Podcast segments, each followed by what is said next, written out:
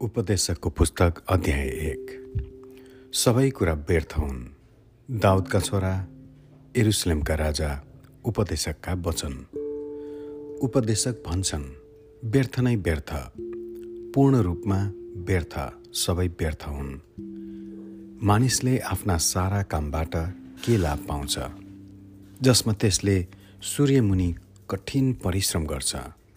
पुस्ताहरू आउँछन् पुस्ताहरू जान्छन्। तर पृथ्वी चाहिँ सदा सर्वदै रहिरहन्छ। सूर्य उदाउँछ अस्ताउँछ त्यो आफू उदाएको ठाउँमा चाँडो जान्छ। बतास दक्षिणतिर बहन्छ अनि उत्तरतिर फर्कन्छ। त्यो सधैँ आफ्नै चक्करमा फर्केर घुमिरहन्छ। सबै खोलाहरू समुद्रमा नै बगेर जान्छन्। तापनि समुद्र कहिल्यै भरिँदैन। जुन स्थानबाट खोलाहरू आउँछन् ती फेरि त्यही नै फर्केर जान्छन्। कुनै कुराहरू विरक्त छन्।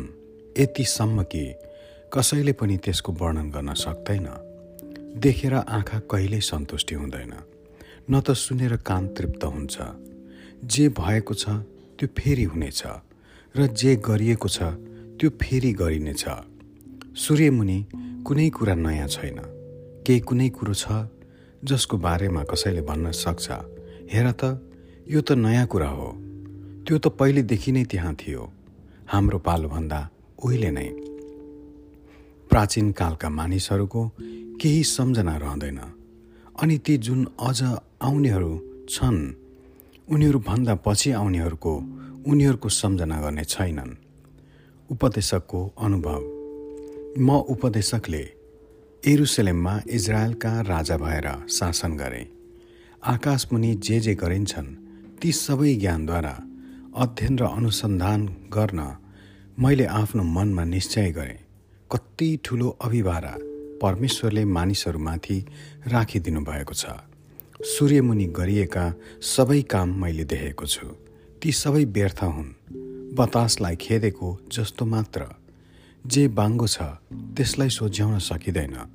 जे छँदै छैन त्यसको गन्ती हुँदैन।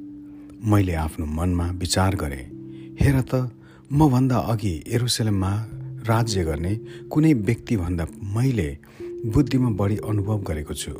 ज्ञान र बुद्धिको मैले धेरै अनुभव गरेँ। तर बुद्धि बुझ्न र पागलपन र मूर्खता जान्नमा मैले मेरो मन लगाएँ। तर त्यो पनि बतासलाई खेदेको जस्तो मात्र रहेछ भन्ने मैले थाहा पाएँ। किनकि धेरै बुद्धिको धेरै दुःख ल्याउँछ धेरै ज्ञानले धेरै पीर आमेन।